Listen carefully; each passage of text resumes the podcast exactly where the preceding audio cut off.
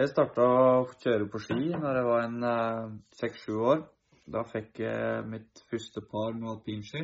Jeg kjørte på i et par år før jeg fikk mitt første telemarksskipar. Det er veldig bra. Det er skikkelig løypelykke og mye moro. Ja. Det er det. Og så dra med meg mye fart. Når jeg ble en 15 år, så ble jeg sendt til Østerrike og var med på breddesamlinga der.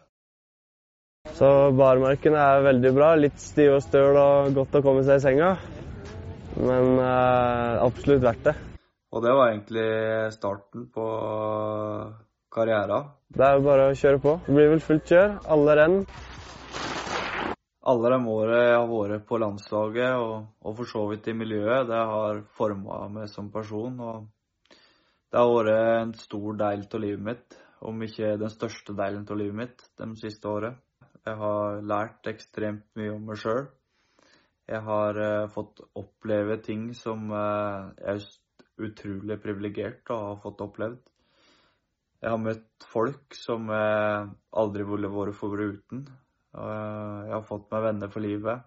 Det har, det har vært utrolig gjevt å fått lov å drive på slik jeg har gjort, og reise rundt i verden og oppleve plasser og konkurrere på det som vi bruker så mye tid på.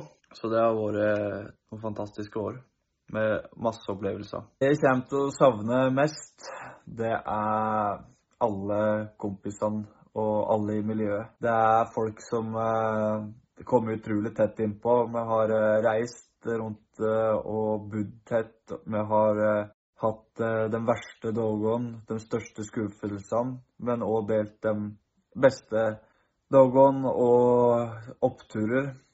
Å gå fra å tilbringe 100 dager i året sammen til kanskje ses et par ganger i året, det, det kommer jeg til å savne. Og jeg håper virkelig at, det, at vi greier å holde kontakten, slik at uh, vi tar vare på, på det gode kameratskapet vi har.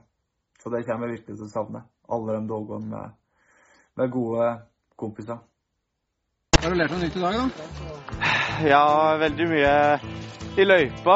Eh, sporvalg i eh, løypelykke og sånne ting.